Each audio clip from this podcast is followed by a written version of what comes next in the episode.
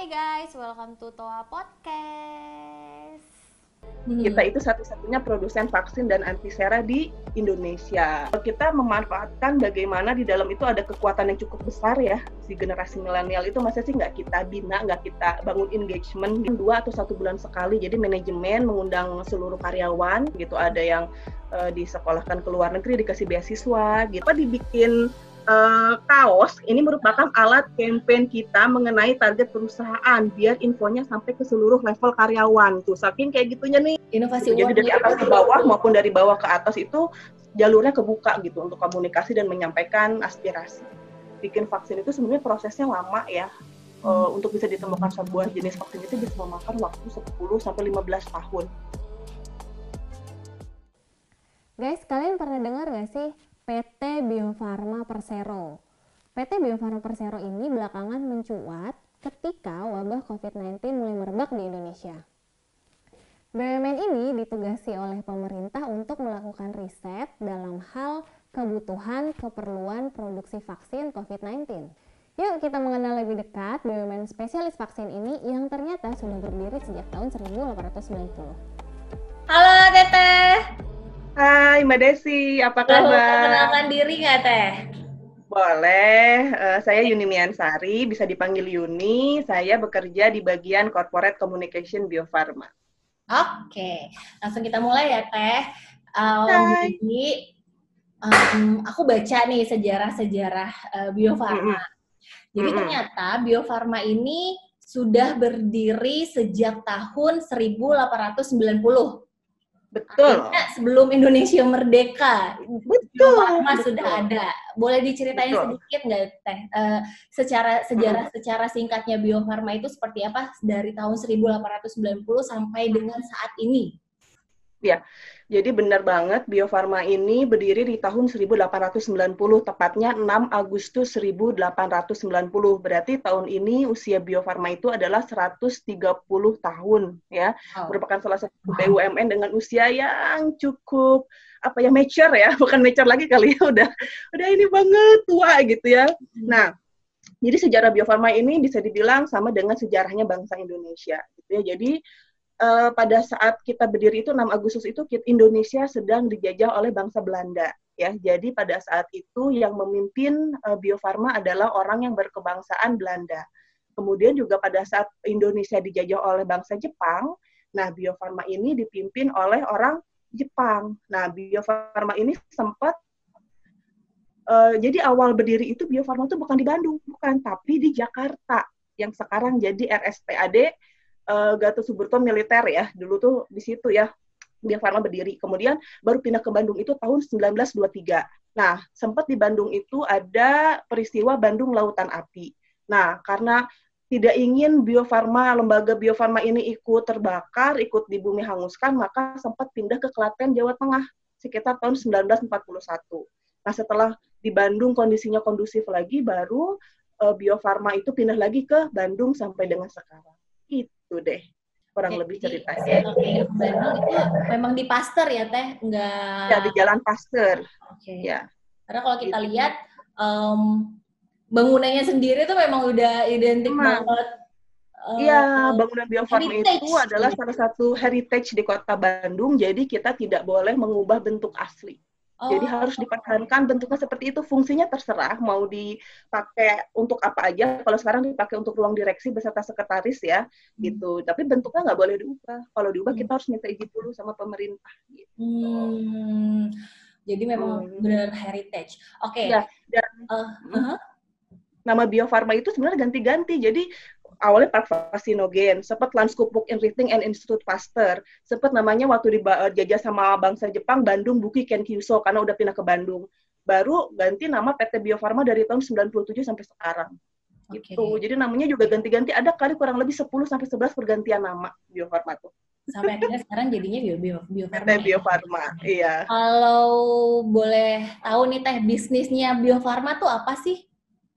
Uh, Desi kalau dengar uh, Mbak Desi nih kalau dengar Bio Farma tahunya bikin apa? Kalau bio pasti farmasi, obat-obatan. Ya, apa coba? Ah, tuh kan, pasti kalau dengar Bio Farma pasti disangkanya bikin obat, padahal kita nggak bikin obat. Hmm. Kita itu satu-satunya produsen vaksin dan antisera di Indonesia. Itu jadi satu-satunya uh, produsen satu vaksin. vaksin dan ada saingannya berarti ya, Teh? Ya kalau secara di dalam negeri nggak ada, tapi hmm. kan produk impor masuk ya, ya. gitu. Oke, okay.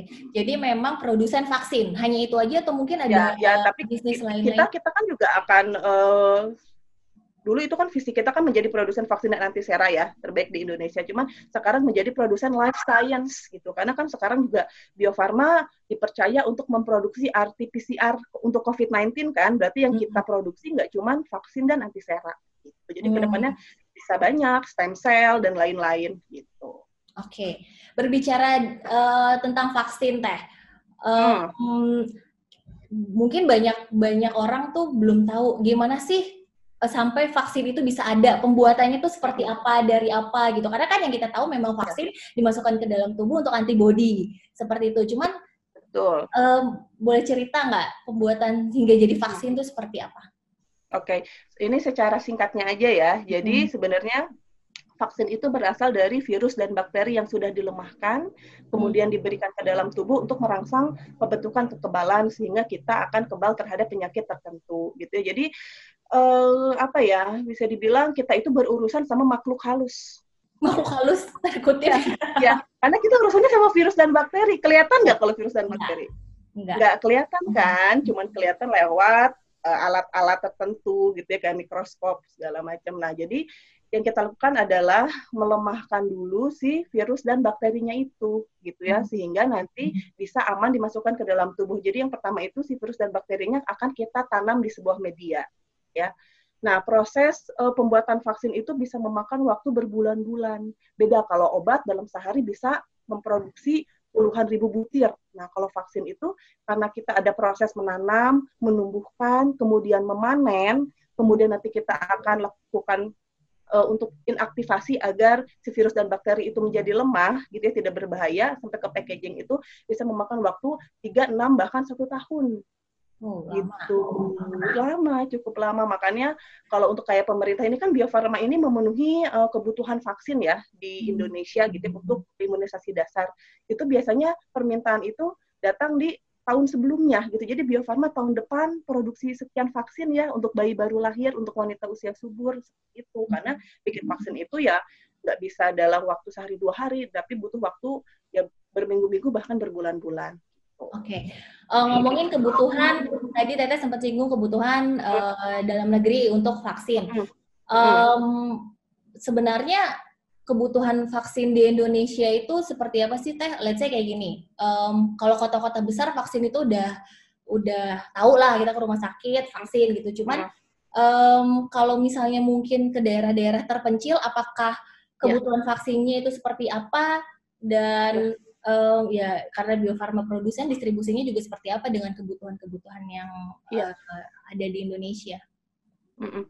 Jadi ini kan kita dapat uh, permintaan itu dari pemerintah ya gitu. Jadi pemerintah akan memprediksi misalkan tahun ini akan ada sekian juta bayi lahir ya sehingga hmm. membutuhkan berapa vaksin. Kemudian ada wanita usia subur karena kan vaksin itu sebenarnya nggak cuma buat bayi ya hmm. dari mulai bayi sampai dewasa. Cuman ada yang namanya imunisasi dasar yang memang wajib ya yang disubsidi oleh pemerintah kemudian diberikan kepada masyarakat. Secara distribusi sebenarnya Bio Farma itu hanya bertanggung jawab sebagai uh, di um, dinas kesehatan tingkat provinsi nanti dari Dinas Kesehatan tingkat provinsi yang akan mengatur untuk penyebaran vaksin di wilayahnya kayak hmm. gitu. Oke, okay. jadi memang Bio Farma ini um, produce, hmm. tapi kus, uh, khusus hmm. untuk request dari pemerintah. Di luar ya, dari pemerintah, bagaimana? Kita kan? juga melayani swasta dan bahkan juga kita sudah ekspor ke lebih dari 140 negara. Oh, ada ekspornya juga? Iya, ada ekspornya juga. negara. 40 negara. Ya. Wow, banyak banget. Yes. Negara Asia, uh, sorry sampai ke Asia, uh, Eropa ya. atau boleh di banyak mbak. Si bocorannya luar juga ada ke India. 60% kebutuhan polio di dunia itu adalah dari Bio Farma. Jadi Bio Farma yang produksi kebutuhan vaksin polio di Indonesia di dunia itu dari Bio Farma. Mm -hmm. Oke, okay. berarti Teteh produce di uh, untuk memenuhi kebutuhan dalam negeri sama Maupun luar negeri juga. Ekspor. Bandingannya ya, seperti ya. apa sih Teh? Um, Oh, 50-50. 50-50 ya. Jadi Dari 50 total jumlah produksi 50% dalam negeri kita pasti mengutamakan dalam negeri ya. Mhm. Kita sudah penuhi baru nanti hasil dari produksi sisanya kita ekspor gitu. Oke. Terus ini Teh, berarti memang ini B2B ya Teh? Karena memang Iya. eh, Bio Farma eh, khusus untuk ke pemerintah atau lembaga swasta. eh, Swasta, melalui rumah lembaga. swasta. Tidak bisa Ya, em, langsung ke customer-nya sendiri atau mungkin bisa. orang Oh, ke customer-nya juga bisa. bisa. Jadi se- sejak tahun 2018 kita itu punya eh, brand baru namanya Immunicare. Jadi Hmm. itu adalah bagian dari klinik Pratama Bio Farma ya. Jadi kita melayani untuk vaksinasi dan Hmm. si Immunicare ini nggak cuma ada di Bio Farma tapi sudah ada di 19 kot, eh, 19 titik yang tersebar di Indonesia. Gitu. Jadi kita juga melayani pemberian vaksinasi. Gitu. Oke. Itu artinya Ya kan kalau vaksin itu kan Hmm. eh, nggak bisa kayak dibeli gitu ya terus bawa pulang ke rumah kan nggak bisa ya. Jadi Hmm. vaksin ini beda sama obat. Eh, kalau obat kita terima dari dokter, kita masukin tas sampai rumah kita minum nggak masalah ya. Tapi Hmm. kalau vaksin itu dia ada suhu tertentu yang Hmm. harus disimpan gitu. Jadi kayak eh, vaksin-vaksin itu harus disimpan di suhu 2 sampai 8 derajat Celcius karena kan isinya virus dan bakteri ya yang sudah dilemahkan gitu. Jadi Hmm. penyimpanan juga berbeda dengan obat. Kita harus simpan di suhu tertentu gitu dan harus ada tenaga medis yang menyuntikan kan gitu. Jadi nggak bisa datang ke apotek terus beli vaksin terus dia nyuntikin sendiri di rumah nggak bisa. Jadi harus ada tenaga kesehatan yang profesional yang melakukan tindakan penyuntikan pemberian vaksin gitu. Makanya kalau mau vaksin harus datang ke layanan kesehatan. Tuh. Oke. Nah, Mhm. ngomongin tentang em, tadi ada tenaga kesehatan dan segala macam. Nah, eh, Bio Farma ini kan industri eh, bisa dibilang industri kesehatan juga kan, karena ya tadi Iya, produksi iya. vaksin. Iya. Karena aku mau beralih ke SDM-nya nih Teh. Kalau Hmm. misalnya em, pengembangan vaksin berarti kan kalau aku nih mikirnya eh, mungkin oh berarti ini banyak peneliti nih kebanyakan karyawan-karyawannya Bio Farma bener nggak atau betul, mungkin ya. komposisinya seperti apa sih antara yang memang peneliti sama sama karyawan yang eh, di kantor kantoran komposisi Ya kita kan juga ada? Iya, ada yang namanya divisi research and development. Tentunya yaitu fungsi utamanya adalah sebagai untuk research ya, peneliti. Ya background-nya ada dari ahli kimia, farmasi, apoteker, ahli biologi, imunologi gitu ya. Tapi kan kita sebagai perusahaan ada beberapa direktorat ya, ada direktorat utama. Kebetulan corporate communication itu ada di bawah direktorat utama ya. Ada direktorat keuangan gitu, ada yang untuk ngurusin administrasi, juga ada direktorat SDM, direktorat pemasaran, R&D gitu ya. Jadi semuanya sebenarnya kalau dibilang ya memang baik eh, kalau dari segi persenan ya banyak karyawan yang di area produksi dan R&D gitu. Karena kan bisnis utama kita memang di bidang farmasi kayak gitu. Hmm.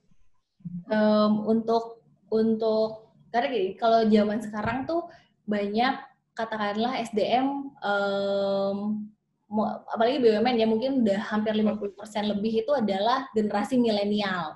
Mm-mm, ya, ya. kalau di Bio betul. Farma sendiri seperti apa tuh em, Iya. untuk eh, karyawan milenialnya? Iya. 50% di kita sekarang generasi milenial. Mhm. Betul. Sudah Makanya 50% kita ada salah satu program internal yang namanya internal influencer. Namanya BioDigi Troops, Bio Farma Digital Troops. Jadi kita lihat em, karyawan kita yang punya followers ya di atas seribu.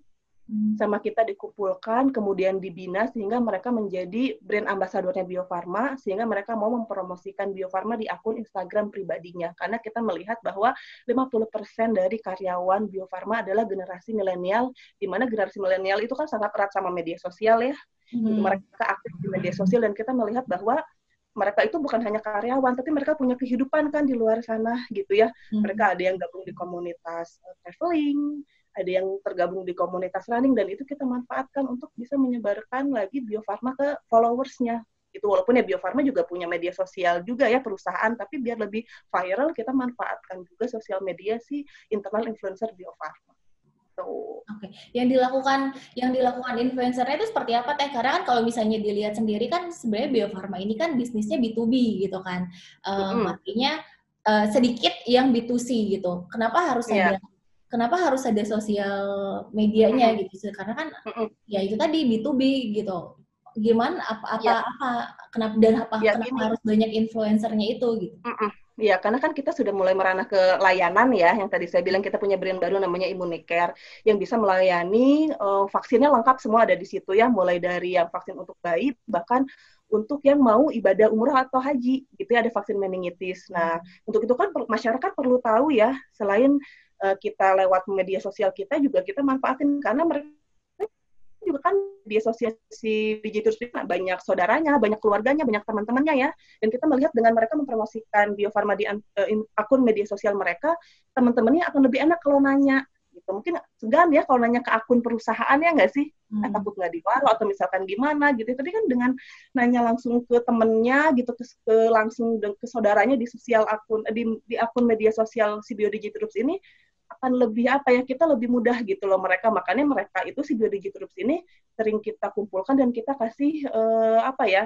workshop gitu ya. Kita datengin ke materi dari luar gitu gimana sih mengelola media sosial. Jadi pada saat mereka juga memposting nggak cuma hanya sekedar mempromosikan biofarma tapi media sosial mereka juga jadi bagus kan gitu. Karena kita kasih pelatihan pelatihan gitu kayak gitu. Karena kita balik lagi uh, ya uh, kita memanfaatkan bagaimana di dalam itu ada kekuatan yang cukup besar ya si generasi milenial itu. Masa sih nggak kita bina nggak kita bangun engagement gitu sehingga mereka mau dan bersedia. Itu kan free ya gitu ya.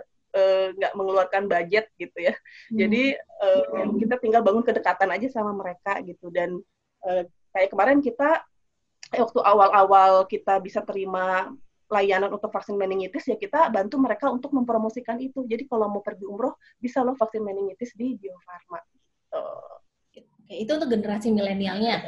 Tapi kalau misalnya secara keseluruhan sebenarnya um, gimana sih pengembangan dan tadi salah satunya generasi milenial yang influencer uh, dapat hmm. pelatihan-pelatihan atau workshop. Tapi untuk generasi hmm. yang non milenial atau mungkin kita nggak kita bilang secara uh, secara karyawan secara besarnya menyeluruh hmm. yeah. itu pengembangan SDM-nya seperti apa? Apa yang uh, apa yang diberikan um, perusahaan kepada SDM-nya supaya mereka juga katakanlah uh, loyal, kinerjanya jadi bagus, terus uh, perform seperti apa? Hmm.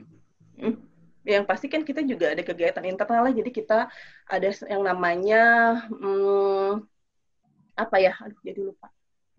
Kita tuh jadi mengumpulkan antara bersilaturahmi lah ya, bisa dilakukan dua atau satu bulan sekali. Jadi manajemen mengundang seluruh karyawan, kita di Gedung Serbaguna Bio Farma, manajemen menyampaikan perkembangan-perkembangan apa yang terjadi, kemudian apa yang diharapkan uh, dari karyawannya gitu ya. Dan juga ya kalau seluruh karyawan seluruh karyawan seluruh karyawan seluruh karyawan dikumpulin. itu biasanya sekitar dua bulan sekali atau tiga bulan sekali. Atau ya atau misalkan ada sesuatu yang misalkan kalau Bio Farma ini kan kita kenapa bisa ekspor? Karena um, salah satunya adalah mendapatkan sertifikat dari WHO dan untuk mendapatkan sertifikat dari Badan Kesehatan Dunia itu akan dilakukan audit nih dari WHO ya. Nah hmm. biasanya sebelum audit WHO itu karyawan dikumpulin nih gitu dikumpulin semua nanti manajemen akan memberikan arahan-arahan dan betapa pentingnya untuk kita menjaga kondisi perusahaan agar kita bisa mendapatkan sertifikat karena kan dengan kita bisa ekspor itu akan juga menambah kesejahteraan si karyawannya gitu. Hmm. Hmm. Selain itu ada uh, apa lagi teh? Selain oke okay, kalau tadi hmm. ngomong manajemen ngumpulin karyawan itu maksudnya ke komunikasi, cuman pengembangan yeah pengembangan dirinya dari setiap karyawan itu apa yang uh, perusahaan lakukan? Oh, kalau ya yang pasti training-training ya sesuai dengan uh, kebutuhan mereka di setiap bagian ya gitu. Ada yang uh, disekolahkan ke luar negeri dikasih beasiswa gitu ya, ada yang di dalam negeri itu kan dikasih beasiswa pasti seneng ya gitu ya, tidak usah mengeluarkan uh, uang pribadi tapi juga lumayan gitu ya gitu. Nah, ini kalau ini ya bisa lihat nggak ini kaos yang saya pakai nih? Ini tiga oh, tiga delapan. Ini tuh adalah target target revenue RKAP Bio Farma 2020. Kenapa dibikin apa namanya? Kenapa nih ya ini ya? Kenapa dibikin uh, kaos? Ini merupakan alat campaign kita mengenai target perusahaan biar infonya sampai ke seluruh level karyawan. Tuh saking kayak gitunya nih. Teknik baju kaos dipakai ya kalau misalkan kita kumpul ada kegiatan apa dipakai ya. gitu. Tiga tiga titik tiga delapan. 38 ya. Ini tuh adalah target revenue RKAP 2020 Bio Farma. Nah. Dalam hitungan apa? 3,38? Apa ya? jadi dan, dan itu kaos diberikan kepada karyawan. Seluruh karyawan, iya. Gitu. Dipakai kalau nih momen uh, ada perkumpulan-perkumpulan itu ya. Perkumpulan iya. Terus dan memang ya kita juga ada liburan ya, liburan yang dikasih sama perusahaan untuk karyawan dan beserta keluarganya setahun hmm. sekali gitu ya itu kan jadi tenang ya jadi nggak cuma karyawannya aja yang ditreatment keluarga karyawannya bukan seneng nih laki gue istri gue kerja di Bio Farma enaknya jadi bisa jalan-jalan gratis gitu bahkan ke luar negeri gitu ya ke Singapura gitu kan okay. nah hmm, terus kan ya Ya, boleh kan? nambahin lagi kayak sekarang oh. lagi COVID-19 kayak gini ya. Mm-hmm. Kita itu bisa saya sendiri yang nerima dua atau tiga bulan sekali itu dikasih hand sanitizer dan masker dari Bio Farma. Luar biasa. Itu okay. diberikan luar biasa. Itu adalah uh, perusahaan yang berikan kepada karyawan. Tapi kalau misalnya karyawannya sendiri harus apa sih kepada perusahaan atau kepada Bio Farmanya ini tuntutannya ya, seperti ya, apa? harus bekerja dengan baik. Ada ukurannya nggak teh? Misalnya oke okay, ukuran ukuran ketika uh, ketika dikasih ini ya berarti feedbacknya harus seperti ini ya. Ukuran setiap karyawan untuk performnya itu seperti apa? Ya kan ada penilaian kinerja ya, gitu hmm. mencapai target atau enggak, pekerjaannya terselesaikan nggak sesuai dengan waktu yang diberikan gitu ya. Uh, indikatornya kan memang jelas gitu ya. Hmm. Jadi uh, itu yang membuat kita juga jadi uh, ya malu juga ya perusahaan udah segitu baiknya masa sih kita nggak bekerja dengan baik gitu karena memang ya kayak uh, apa ya reward and punishmentnya jelas gitu kalau memang misalkan nih terlambat lebih dari lima kali dalam setahun ada pembagian bonus misalkan gitu ya hmm. segala macamnya semuanya reward dan punishmentnya jelas gitu jadi kitanya hmm. juga pekerjanya tenang gitu karena perlakuannya adil gitu yang diberikan oleh perusahaan sebanding lah ya. Oke, okay. karena um, aku mau ngebahas tentang komunikasinya. Tadi bagus banget. Uh, manajemen setiap 2 sampai tiga bulan sekali mengumpulkan seluruh karyawan um, menginformasikan tentang yeah. uh, per, update, update ya perusahaan. perusahaan. Gitu. Yeah. Itu adalah komunikasi secara internalnya dari atasan ke bawahan. Terus yeah. um, kalau sebaliknya seperti apa uh, teh kalau misalnya komunikasinya karena kan itu maksudnya kayak komunikasi interpersonal dong gimana yeah. ketika atasan uh, komunikasi dari atasan ke bawahan dan bawahan ke atasan atau mungkin sejajar sesama karyawan itu um, berhasil atau mungkin ada feedbacknya itu kalau komunikasi uh, interpersonalnya seperti itu berarti kan komunikasi interpersonal berjalan baik. Tapi kalau untuk di biofarma yeah. dari bawahan ke atasannya seperti apa sih? Atau ada gap-gapan uh, enggak sih. silo seperti itu? Uh, enggak ya, maksudnya justru perusahaan tuh terbuka banget kalau misalkan ya dari bawah itu punya aspirasi. Karena juga kita di SDM sendiri itu membuka yang namanya inovasi award. Jadi siapa pun yang punya uh, ide, eh, punya inovasi itu bisa gitu loh diajukan bahkan ya dikasih award gitu kalau memang ternyata inovasi itu membawa perubahan kebaikan lebih baik untuk perusahaan. Itu sangat terbuka banget kalau di Bio Farma. Inovasi gitu. Jadi dari atas ke bawah maupun dari bawah ke atas itu jalurnya kebuka gitu untuk komunikasi dan menyampaikan aspirasi.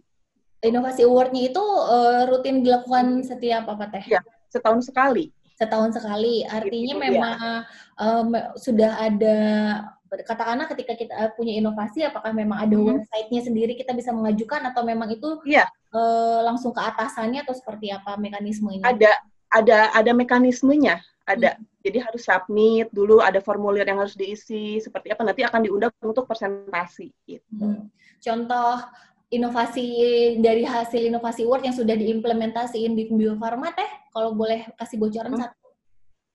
Ya sebenarnya bukan hal yang apa ya, nggak harus hal yang ke produk ya, tapi lebih ke misalkan mem mem mempersingkat waktu gitu yang harusnya Eh, semacam birokrasi yang tadinya nggak panjang jadi dibuat pendek, nah kayak kayak gitu juga kan itu membantu proses um, bisnis perusahaan ya hmm. gitu. Misalkan kayak orang yang baru, misalkan ada karyawan yang baru uh, training dari luar negeri ya, itu begitu dia pulang kan dia bisa cerita ini kalau di luar itu seperti ini mungkin bisa kita terapkan, kita coba terapkan di Bio Farma itu kan juga inovasi ya, karena yang tadinya nggak ada jadi ada di Bio Farma. Gitu. Dan itu dia langsung dia pro sama manajemen dan diimplementasikan. Ya Iya, iya. Gitu. Oke. Okay. Uh, kalau misalnya komunikasi um, komunikasi ke eksternalnya seperti apa teh? Karena kalau aku lihat data nih ya, baca-baca berita, um, ada um, kalau nggak salah tahun 2016 ya teh. Jadi memang hmm. sempat ada ada isu bukan isu ya, ada krisis kalau tentang vaksin vaksin, vaksin palsu. palsu.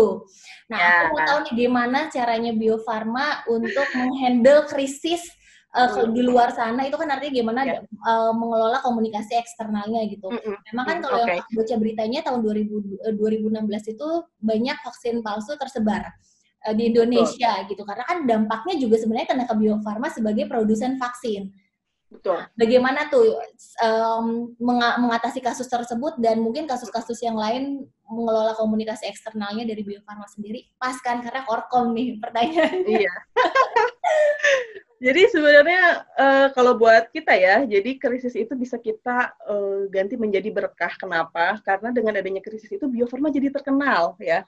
Karena hmm. kan kalau jadi gini kita tuh nggak bisa promosi di TV gitu karena salah satu uh, peraturan gitu ya nomor 17 itu kita nggak boleh karena kita termasuk vaksin itu adalah obat keras gitu yang nggak bisa dijual atau dibeli secara bebas sehingga tidak kita nggak boleh pasang iklan di TV gitu ya. Hmm. Nah, jadi kalau cerita sedikit tahun 2016 itu, jadi pada ada saat berita keluar vaksin palsu itu saya ingat banget karena pas di bulan puasa ya. Jadi Bulala ya pada situ Korpo masih sama Bulala itu sampai bilang pokoknya walaupun libur lebaran handphone kita harus nyala, nggak boleh ada yang mati gitu ya, harus on call semua kalau ada apa-apa harus ready walaupun itu udah mau Idul Fitri gitu ya. Nah, hmm. jadi kita dengar berita kita juga banyak nih media yang langsung menghubungi ya minta konfirmasi sama Bio Farma ya oh minta wawancara segala macam tapi kebetulan uh, waktu itu direksi kita bilang nanti dulu karena penelitian penyelidikan dari Bareskrim masih berjalan kita tidak boleh mendahului karena ini juga tidak hanya menyangkut Bio Farma tapi Kementerian Kesehatan sama BPOM ya. Hmm. Jadi Bio Farma jangan dulu ngomong sebentar. Kita tunggu dulu hasil penyelidikan dari Bareskrim. Nah, akhirnya keluarlah penyelidikan dari Bareskrim yang menyatakan bahwa vaksin yang dipalsukan itu adalah vaksin impor. Ya, hmm. jadi bukan vaksin Bio Farma. Gitu ya. Nah, setelah itu baru setelah keluar hasil penyelidikan dari Bareskrim diketahui bahwa vaksin dipalsukan itu ABCD gitu ya. Nah, barulah kita menggelar yang namanya press conference ya. Kita undang seluruh media baik yang di Bandung Jakarta baik media online ataupun offline gitu media cetak. Kita undang ke Bio Farma di situ ada direktur utama ada direktur pemasaran dan juga ada sekretaris perusahaan ya. Di situ menyampaikan bahwa ya sesuai dengan penyelidikan dari Bareskrim bahwa yang keluar yang dipalsukan itu adalah bukan produk Bio Farma gitu ya. Jadi itu adalah uh, produk impor. Dan kita juga kasih edukasi bagaimana membedakan antara vaksin palsu dan vaksin asli. Kurang lebih kayak gitulah mbak Desi. Okay. dan dari situ kita okay. banyak diundang sama uh, media TV ya tanpa kita harus mengeluarkan biaya placement ya. gitu. Karena kita lagi seksi banget gitu ya, lagi seksi banget gitu. Jadi hmm. bahkan saya sempat uh, nonton juga di Mata Najwa waktu itu masih di Metro TV ya, sampai ada orang di situ um, audiensnya adalah para orang tua kor yang anaknya menjadi korban vaksin palsu. Sampai bilang gini ya kita nggak tahu ada Bio Farma kalau kita tahu bahwa di Indonesia itu punya Bio Farma ya kita pasti menggunakan uh, apa namanya vaksin dari Bio Farma karena pada saat kita vaksin dokter nggak nanya mau pakai vaksin dari mana gitu. Jadi akhirnya nama Bio Farma ke mention terus kan. Mm-hmm. akhirnya ya orang tahu dari Bio Farma gitu. Ambil momen. Jadi momen nih gitu. Asalkan ya kita jadi kalau ada krisis gitu misalkan kita banyak nih udah banyak media yang nyecer nanya kita juga harus tenang dulu gitu ya kita harus lihat kondisi dulu gitu baru tahu kapan waktunya kita untuk maju untuk ngomong ke media gitu. Oke, okay.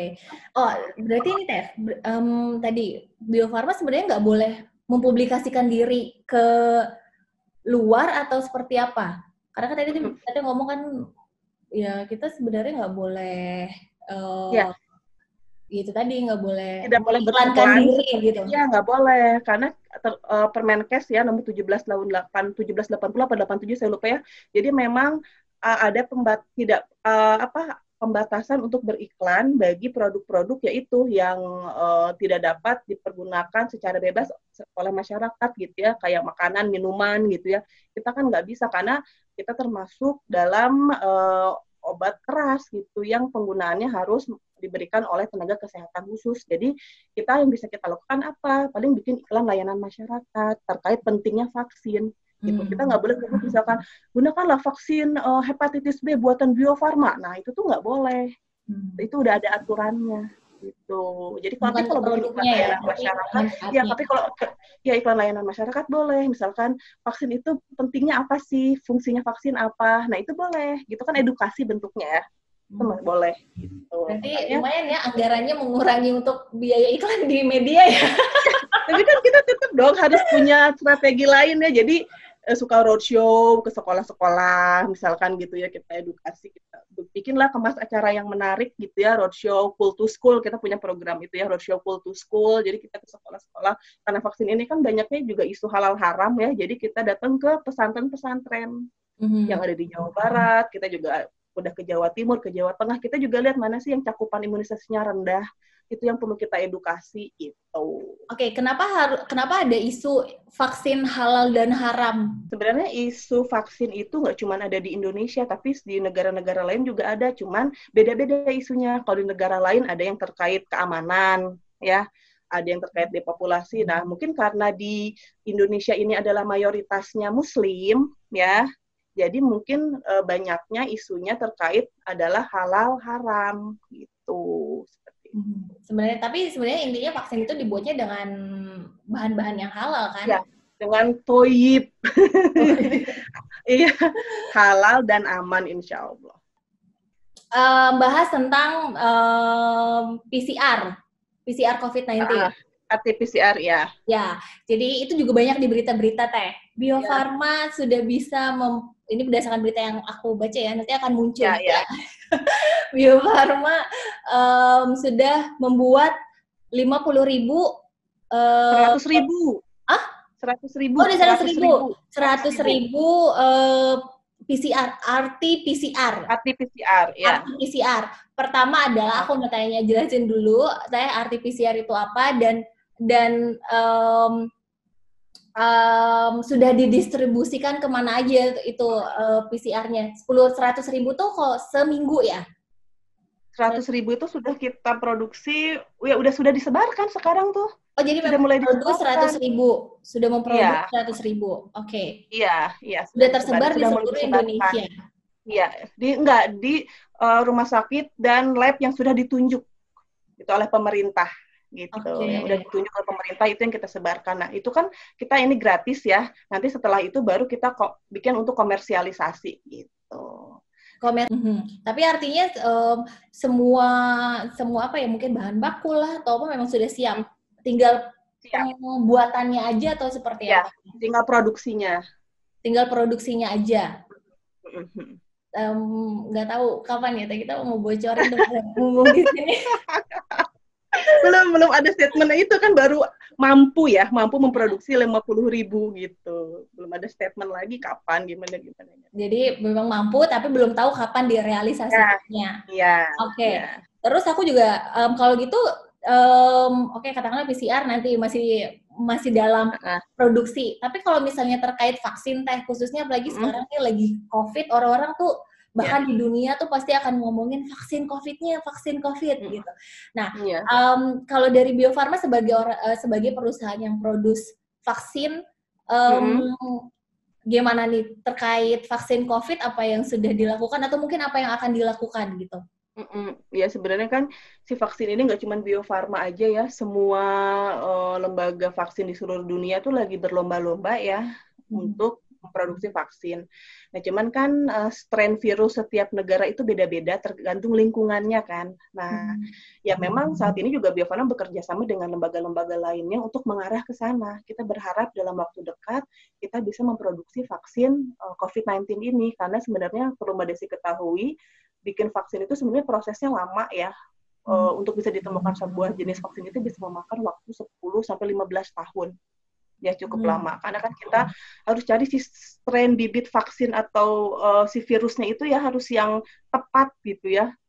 Nah itu merupakan hal yang tidak mudah gitu. Jadi uh, kita ada upaya ke sana, cuman masih mungkin perjalanannya masih agak panjang ya gitu, hmm. karena tidak mudah berurusan dengan virus dan bakteri. Gitu. Okay. Yang jelas kita sudah uh, bekerja sama dengan berbagai lembaga terkait agar bisa segera menemukan si vaksin COVID-19 itu. Uh, lembaga terkaitnya kalau, kalau boleh tahu teh? Ya di antaranya lembaga Ekman, bukan? Di bawah Kementerian Kesehatan ya lembaga Ekman. Mm-hmm. Di dalam negeri aja atau mungkin bahkan ke luar negeri juga? Ya, ada yang keluar juga, ada beberapa. Oh, karena kalau dari berita yang aku baca, muncul ya. di beritanya set. Ya. uh, di sini Bio Farma ini uh, bekerja sama dengan lembaga ya. di bawah uh, lembaga uh, Bill Gates untuk ya, mem betul. Mem apa ya membuat vaksin dari COVID-19. Betul, betul. Jadi lem, e, bekerja sama dengan lembaga internal dalam negeri maupun luar negeri gitu. Masih dalam produksi ya, Teh? Proses penelitian. Proses penelitian, proses penelitian. Proses penelitian. Iya. Oke. Okay. Ya. Nah, tadi tadi bilang pembuatan vaksin itu tidak tidak sebentar 10 sampai 15 tahun. Itu penelitiannya ya untuk ditemukan sebuah jenis vaksin. Oh itu penelitiannya bisa penel penelitiannya. Iya. 15 iya. tahun. Ya. Nah, aku juga punya berita nih, Cil. Semuanya berita hmm. set. Jadi um, bio di sini ada ada statement kalau Bio Farma bisa uh, 2 sampai 3 tahun lebih cepat untuk ya. menemukan vaksin uh, COVID-19. Hmm. Hmm. Ya, kalau seperti itu, itu ada beberapa. Kenapa bisa bisa lebih cepat? Hmm kalau lebih bisa lebih cepat itu kalau ada sinergi dengan lembaga-lembaga lain gitu ya. Di saat hmm. ada sinergi dengan lembaga lain ya insya Allah akan lebih cepat. Dan juga ada beberapa prosedur karena kita dalam kondisi darurat, mungkin ada beberapa prosedur yang biasanya harusnya sekian tahun ya karena ini darurat harus segera gitu. Hmm. Ada emergensi gitu, ada emergensi prosedur yang memang mungkin ada tahapan yang bisa dilewati tapi masih aman gitu sehingga bisa lebih cepat lagi. Oke, ini aku baca ya. Bio Farma perkirakan vaksin corona bisa ditemukan tiga tahun uh, ya. lebih cepat. Artinya kenapa lebih cepat itu karena memang ada kerjasama kerjasama ada dengan kerjasama lembaga, dengan berbagai lembaga. Iya, betul. Lembaga lain artinya Bio Farma tinggal meneruskan atau mungkin um, dari awal ikut penelitiannya lagi atau seperti apa teh? Ya kan bisa ada konsorsium-konsorsium gitu kan ya. Hmm. Nah di konsorsium itu ya Bio Farma sudah mulai terlibat gitu. Hmm nanti diproduksinya vaksinnya adalah di Bio Farma. Mm-hmm. Gitu. Sekaligus klarifikasi uh, di berita ya Teh. Mm-hmm. Nih, kayak Bio Farma distribusi RT-PCR ke 16 wilayah penuhi kebutuhan uji COVID-19. Mm-hmm. Gitu. Jadi uh, makanya agak boleh diklarifikasi tadi kan masih dalam proses produksi tapi di sini sudah ada statement ke 16 wilayah penuhi kebutuhan uh, iya. di vaksin artinya sudah ada yang request request juga ya teh atau yang yang seratus ribu itu yang seratus ribu itu hmm. yang kita produksi seratus ribu itu sudah kita berikan itu, termasuk daerah-daerah itu yang tadi disebutkan. Oh, ribu itu adalah kan 16 wilayah yang tadi 16 wilayah ya. yang penuhi ya. janji COVID ini tadi. Ya. Selanjutnya ya. yang untuk um, request atau PCR yang mau akan diproduksi ini belum ada requestnya atau belum kalau dari kemarin kan sempat ada kunjungan dari gubernur ya, gubernur Jawa Barat bahwa Bapak Ridwan Kamil yang memang hmm. sudah men-state bahwa ya akan memesan untuk di Jawa Barat, ya. Hmm. Jadi memang sudah ada yang request ya untuk bisa. Ya sudah, sudah, sudah karena kan kalau dari segi kan selama ini tuh RT-PCR itu impor ya, impor hmm. itu berarti harganya jauh lebih mahal itu dengan kita bisa produksi sendiri di, di dalam negeri lewat Bio Farma kan berarti akan harganya terjangkau karena dari segi distribusi juga kan lebih murah ya dibanding dengan yang impor gitu. Tapi kualitasnya juga sama bagus ya, tapi dari segi distribusinya dan pengadaannya akan lebih cepat gitu. Oke. Jadi baru uh, dari Jawa Barat yang merequest untuk RT-PCR yang dibuat oleh di dalam negeri ini ya, Teh? Ya setahu saya sih begitu. saya nggak tahu kalau di, langsung ke direksi gitu ya pesen oh, kan oh. who knows ya gitu Oke, okay. Kira-kira nih teh um, ada informasi yang mau diberikan lagi nggak dari Bio Farma kepada mungkin masyarakat apalagi terkait vaksin? Karena kan belum belum tentu nih semua orang apa ya aware dengan vaksin, apalagi sekarang juga lagi pandemi ini. Kira-kira mungkin ada ada kejutan dari Bio Farma kepada masyarakat di situasi yang sekarang seperti ini? Iya, sebenarnya sih kita kan salah satu uh, sektor industri yang bergerak di bidang kesehatan ya, sangat uh, concern banget gitu ya untuk menerapkan protokoler kesehatan gitu ya. Kayak sekarang juga kan di Bio Farma itu juga memperlakukan work from home ya gitu. Jadi shift shiftan gitu ya bagi karyawan yang masuk dan juga karyawan yang bekerja dari rumah. Cuman memang si vaksin banyak banyak banget gitu yang masuk ke kita menanyakan terkait perkembangan si vaksin COVID-19 ini hmm. gitu ya dan nggak cuma di Indonesia tapi di seluruh dunia juga mengharapkan gitu ya. Hmm. Tapi kan proses penelitian juga sedang masih berjalan gitu. Nah sambil menunggu ada vaksinnya mungkin ya kita ya jaga kesehatan ya gitu ya dengan apa ya itu uh, physical distancing gitu ya terus pakai masker, terus rajin cuci tangan, sama kalau di Bio Farma ini lagi uh, ini banget ya banyak peminatnya vaksin flu ya, karena hmm. vaksin flu ini itu uh, bikin kita kan jadi lebih kebal terhadap uh, si virus flu ya, jadi nggak gampang pilek gitu. Nah, jadi boleh kalau misalkan salah satu upaya untuk uh, menjaga uh, kesehatan itu dengan uh, pakai vaksin flu ini gitu, selain juga uh, pakai apa jaga pola makan gitu ya, pola tidur dan juga uh, olahraga yang cukup juga uh, salah satu ikhtiar yang baik juga bisa diperkuat dengan vaksin flu itu aja sih. Bisa vaksin flu langsung ke Bio Farma berarti ya teh? Bisa gitu. Baik, bisa kalau buat orang Bandung di Bio Farma. korporasi juga bisa. Bisa, bisa banget. Kita sering banget melayani yang uh, korporasi ya dalam jumlah besar gitu. Jadi nanti kalau misalkan ada jumlah tertentu yang nanti biofarmanya yang datang ke sana untuk melayani vaksinasi flu. Gitu. Kalau untuk pribadi boleh dibocorin nggak sih berapa sih harga vaksin flu? Kenapa? boleh kan? Sekitar 105, sekitar 150 ribu sekitar seratus lima puluh ribu. ribu. Itu untuk di Biofarma ya, untuk yeah. di layanan Imunicare Biofarma ya, sekitar hmm. segitu. Sudah sama termasuk ya uh, jasa suntiknya dengan produknya kurang lebih 150 sampai 200 lah nggak lebih dari situ. Oke. Okay. Gitu. Jadi uh, Immunicare ini sebenarnya ada di dalam biofarma klinik di dalam biofarma ini yeah, vaksin, iya, iya. vaksin iya. untuk vaksin. Terus yeah. uh, berarti uh, jam operasinya dari setiap hari? Setiap uh, kita juga sebenarnya buka dari Senin sampai Sabtu ya. Cuman kalau Sabtu kita setengah hari. Kalau Senin itu kita bisa mulai dari jam 8 sampai jam 3. Kalau Senin sampai Jumat. Gitu. Oke, jadi buat kalian-kalian yang mau vaksin bisa langsung ke Bio Farma ya karena memang Ya, dan uh, Ya, Imunikar ini nggak cuma ada di Bio Farma ya, tapi ada di kota-kota yang lainnya juga. Di kota-kota lainnya apa aja? Dibuka imunikar.biofarma.co.id, di situ ada listnya, Imunikar ada di mana aja, alamat lengkapnya di situ ada. Oke, siap Teteh. Terima kasih banyak ya Teh. Pokoknya kita ya, tunggu kabar baik dari Bio Farma nih terkait. Ya doakan ya, doakan ya. Ya siap. Doakan. Dan tentang RT-PCR-nya juga mungkin nanti ke depannya adalah vaksin untuk COVID. Sukses terus ya, ya buat Bio Farma ya, juga. Terima kasih. Semoga semakin maju Bio Farmanya. Oke. Okay. Amin. Oke Teh, terima kasih okay. Teteh. Bye bye. Ya, dadah.